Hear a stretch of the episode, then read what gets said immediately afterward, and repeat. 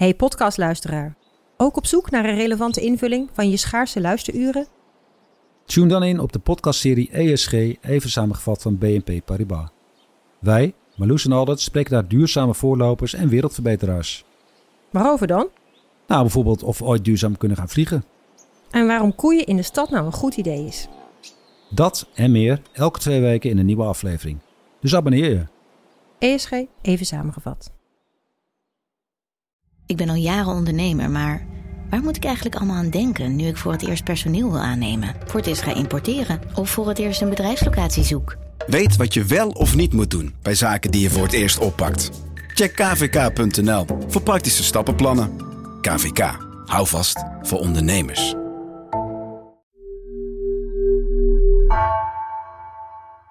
Nu nemen we op. Yes. Oké, wat was het plan? Het plan was even een dagboekje maken. Hoe Ja. begon dit verhaal? Dagboek.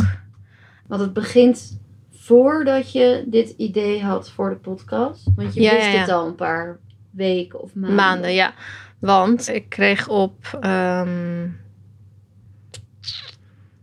29 april komt er een mail binnen op het, eh, in de mailbox van mijn vader.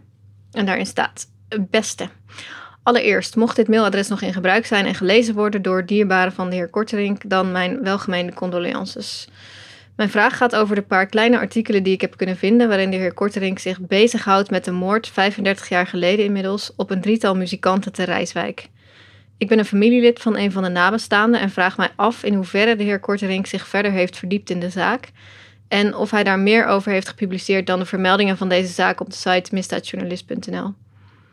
Mocht dat zo zijn, kunt u mij de weg wijzen naar informatie die hij boven tafel heeft gekregen, dan wel zelf gepubliceerd. Alvast mijn hartelijke dank, Merel van Kuijen. Ik ben Anna Korterink. Drie weken na het overlijden van mijn vader, misdaadjournalist Hendrik Jan Korterink, zie ik deze mail binnenkomen in zijn mailbox. De mail beschrijft een drievoudige moordzaak uit 1985, meer dan 35 jaar geleden. De zaak zegt mij niks, maar in de mail zit een link naar een artikel van mijn vader. Ik lees over een bandje dat aan het repeteren is in een kantoorpand in Rijswijk als er twee gewapende mannen binnenkomen. De bandleden, allemaal jongens van in de twintig, worden van dichtbij neergeschoten. Drie slachtoffers sterven, twee raken zwaar gewond, maar overleven.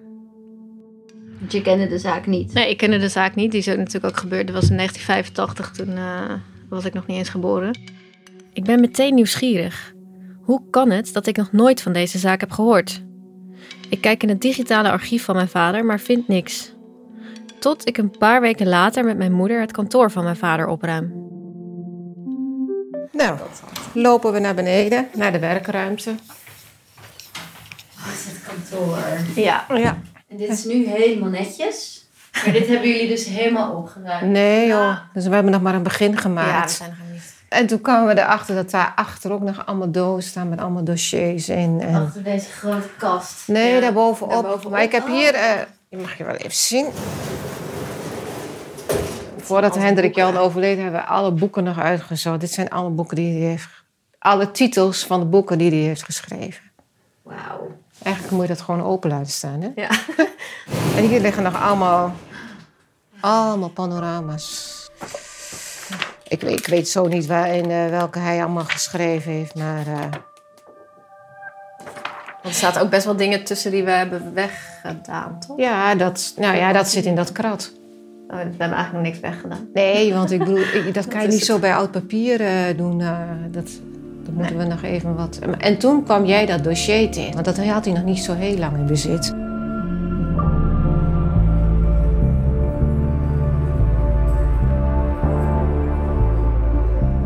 Dit is Het Geheim van Rijswijk. Een audioproductie van NRC. Mijn naam is Anna Korterink. Aflevering 1. De documenten.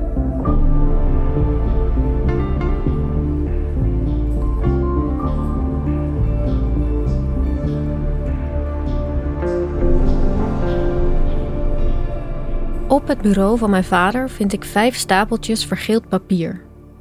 Dienstgeheim staat er op het eerste stapeltje. Op een ander, in typemachineletters, gemeentepolitie Rijswijk, afdeling recherche.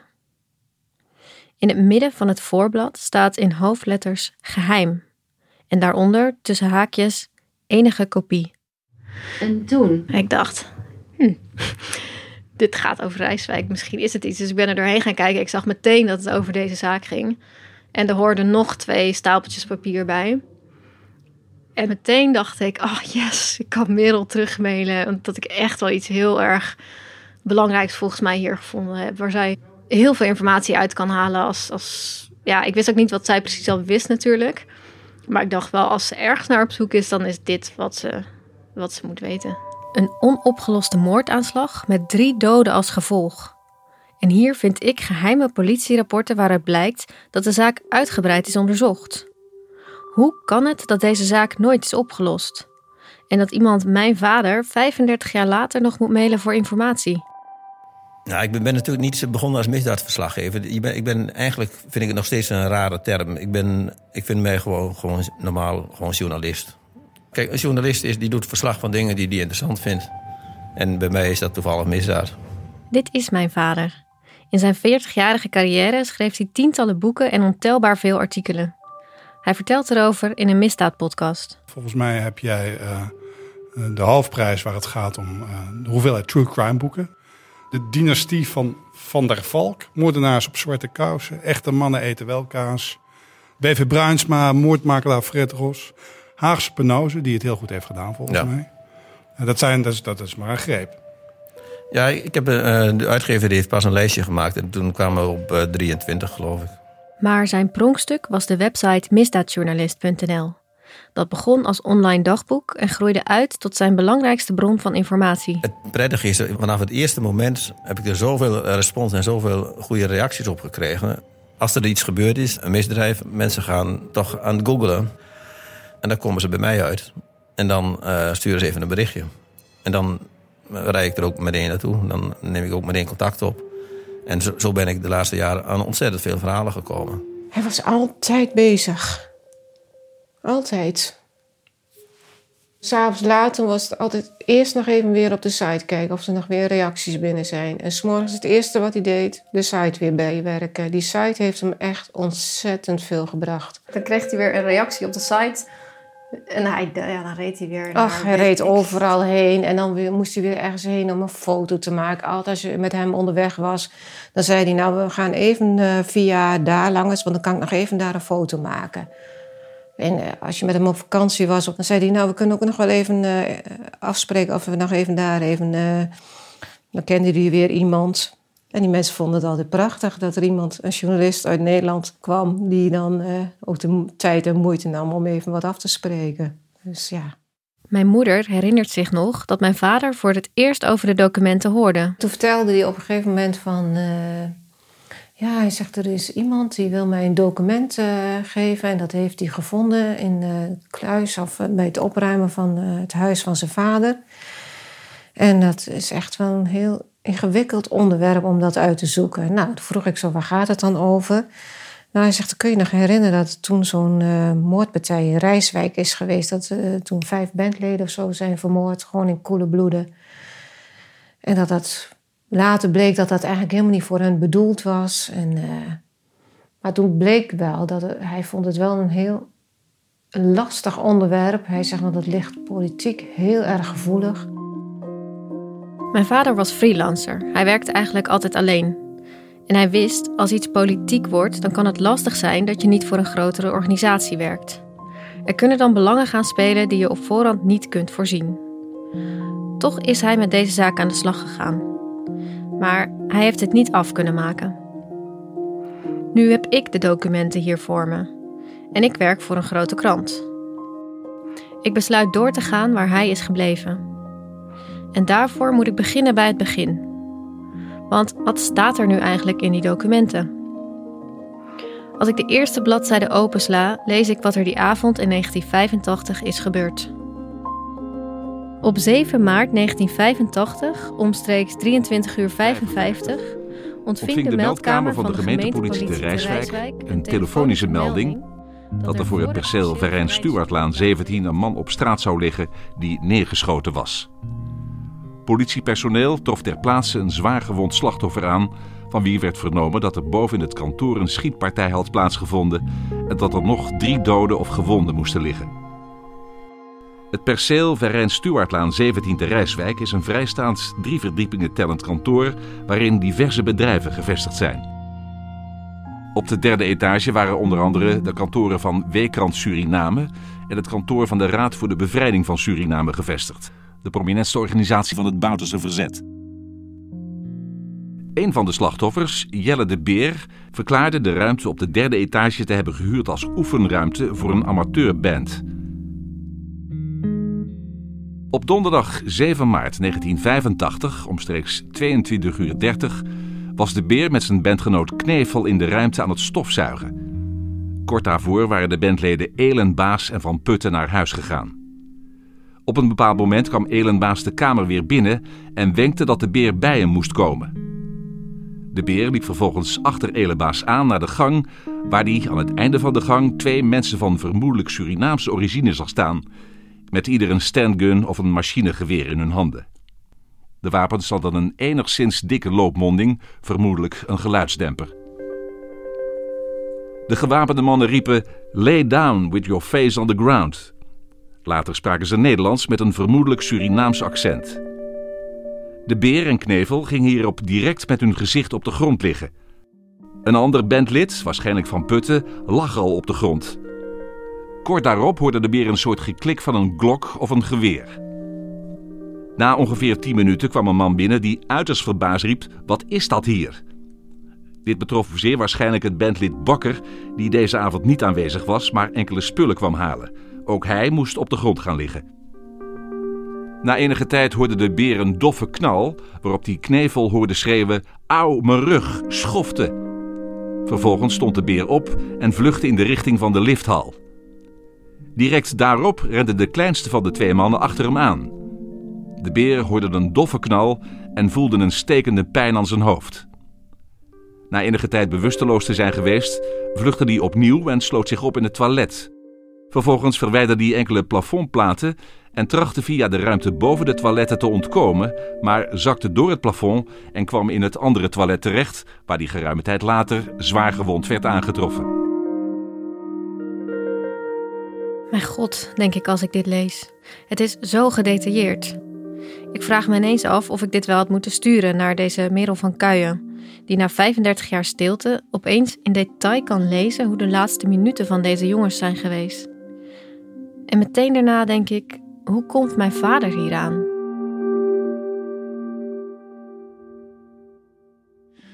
Ik ga nu eens kijken of ik de mailbox van mijn vader kan openen. Ik weet ook niet of dat iemand zou zijn geweest die dan mailde of zo. Hmm. Weet je wat, dat die filmmappen. Oké, daar zie ik niks. Ik uh, denk dat ik even een ander mailadres moet hebben. Rijswijk. Oh, dit is zoveel. Oh ja. Oh, vandaar. Je hebt... Um, Anneke van der Stap is een, uh, een, meisje dat vermoord is. Een jonge vrouw die vermoord is. En um, zij kwam uit Rijswijk. Daar heeft mijn vader veel mee te maken gehad. Dus vandaar ook dat er veel over Rijswijk hier staat. Maar dit is dus niet het verhaal waar ik naar op zoek ben. Mm, maar dat maakt het wel iets makkelijker om een beetje te skippen. Oh, moord in Rijswijk. 2018. Oké dan. Oh. Oké. Okay. Weet je. Fuck, dit is gewoon iemand die ik moet. Oké, hier een mail. Um, dit is gestuurd op 3 juli 2018. Ja, ik weet het. Dit komt van hem.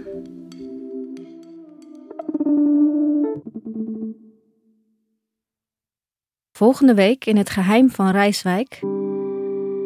Even kijken, ik vond dit stuk vond ik als eerste. Dat is het CRI-rapport.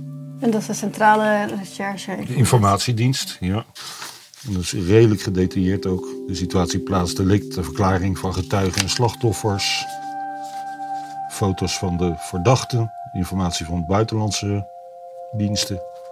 Rijsig had natuurlijk uh, anderhalve rechercheur, dus ja, die gingen het niet oplossen. Dus dat werd toen assistentie van landelijke teams. En die hebben dit rapport gemaakt uiteindelijk. Daar, daar zijn er maar twee van. En dat zijn deze twee. Dit was Het Geheim van Rijswijk, een podcast van NRC. Gemaakt door mij, Anna Korterink en Mirjam van Zuidam. De montage werd gedaan door Jan-Paul de Bond en de muziek door Rufus van Baardwijk. Eindredactie is in handen van Hans Budding. Het fragment waarin je mijn vader hoort komt uit de Willem-podcast. We hadden deze podcast niet kunnen maken zonder Anne Moraal, Wubby Luijendijk, Nina Jurna, Marcel Hane, Herman Staal, Guus Valk en Jos Kuijer. Wil je liever doorluisteren? De volgende aflevering staat nu al in de NRC Audio-app. Je hebt hiervoor geen abonnement nodig. Technologie lijkt tegenwoordig het antwoord op iedere uitdaging. Bij PwC zien we dit anders. Als we de potentie van technologie willen benutten, kunnen we niet zonder een menselijk perspectief. Human-led, tech-powered noemen we dat. Ga naar pwc.nl.